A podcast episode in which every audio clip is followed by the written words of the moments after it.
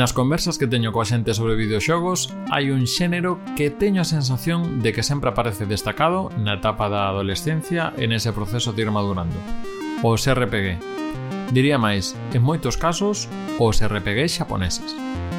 Isto último pode ser na nosa contorna pois coa familiaridade coa animación xaponesa, ben sexa polo xabarín ou polo boom nos últimos anos dos manga e animes.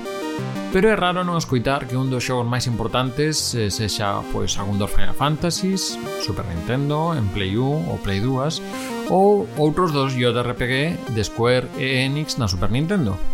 Incluso en consolas que non funcionaron tan ben, hai sempre un JRPG ao que agarrarse. E que seguramente acompañase e axudase en contar historias máis complexas, máis adultas. Saudos de Iago Gordillo. Isto é Un día un xogo. Hoxe imos ir ata un deses JRPG que pasaron, en principio, máis desapercibidos.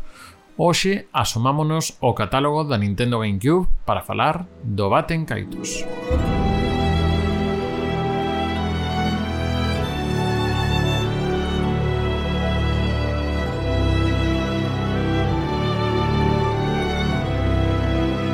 Batten Kaitos é un xogo desenvolvido por Monolith e Tricrescendo, publicado por Namco e que foi dirixido para Gamecube pola escasez de RPGs nesta plataforma e querían que este Batten Kaitos fose unha nova franquía que fose estandarte da Gamecube. Por entender un pouco o contexto de Monolith, dicir que é a desenvolvedora responsable do universo Xeno, os máis recentes Xenoblade Chronicles ou Xenosaga, saídos para a PlayStation 2, incluso antes de Monolith ou Xenogears, saído na primeira PlayStation, que aínda que é unha marca que pertence a Square, foi creado pola xente que logo formaría Monolith, que é unha empresa que estiva asociada a Namco nunha primeira etapa e despois xa Nintendo desde a época da Wii.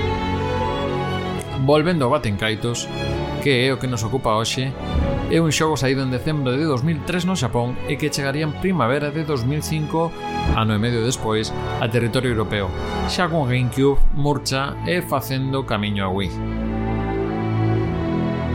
Que nos ofrece este Batencaitos As Eternas e Océano Perdido? Que así sería o seu nome completo. Pois contanos mellor coa súa propia experiencia, Celia Rocha. Boas. Moi boas, que tal? Imos ben. Celia Rocha é tradutora e doutoranda especializada en localización de videoxogos. Contanos, a onde nos transporta este Batencaitos?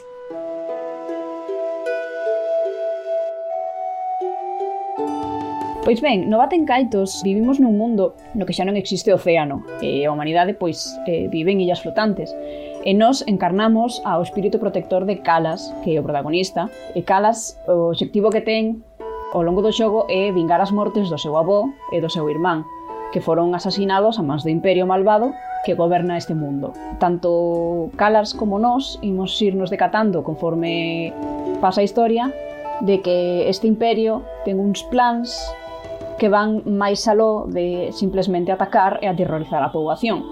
A cuestión é que a raíz de vivir no ceo, as persoas desenvolveron as, chamadas as do corazón, máis dáse a casualidade de que Calas só ten unha A do corazón, e a outra pois é un aparello mecánico que lle construiu o seu avó. Porén, estas as non permiten realizar baixes longas entre as distintas nacións illa, así que tanto ti como Calas ides ir facendo amizades a medida que vaiades avanzando na historia. Estas amizades que imos ir coñecendo van nos proporcionar novas visións do mundo e novas perspectivas, novos trasfondos narrativos e novos xeitos de loitar. Xa que dis loita, o Baten Kaitos ten a súa personalidade propia co sistema de batalla, non si? O que máis me chamou a atención cando xoguei a Baten Kaitos por primeira vez na Gamecube é algo que me sigue parecendo, senón o mellor, do mellor deste título actualmente na, na, na versión remasterizada, é o sistema de batalla.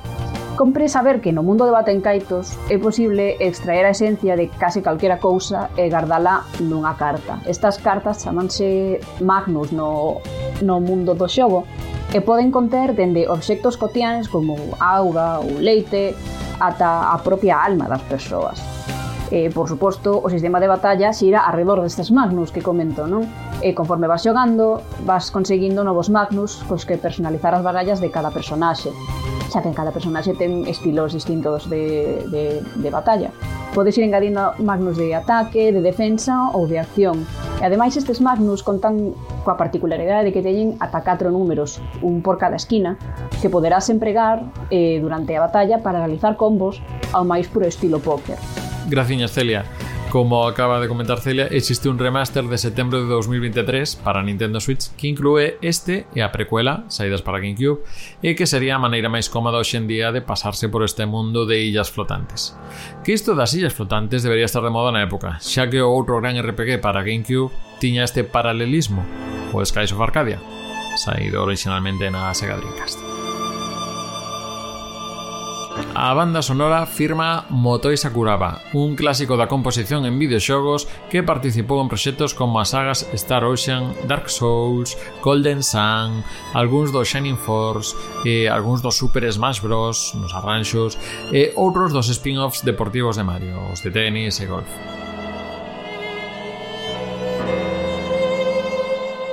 non podo perder a oportunidade, xa que falo da música, de mm, dicir que aquí en Galicia poderíamos chamar iso de Eva ten caitos, Eva ten ben... En fin, mm, deixémolo mellor agora. Isto é Un Día Un Xogo, o micropodcast de Recuncho Gamer que tes en Youtube, Spotify e máis plataformas. Se che gusta o que facemos, necesitamos a túa axuda. No Patreon podes contribuir a cambio de escoller contido, aparecer nos créditos e máis recompensas. Tamén axuda que nos deixes un like e suscribirte se estás no Youtube. Mañá, outro xogo.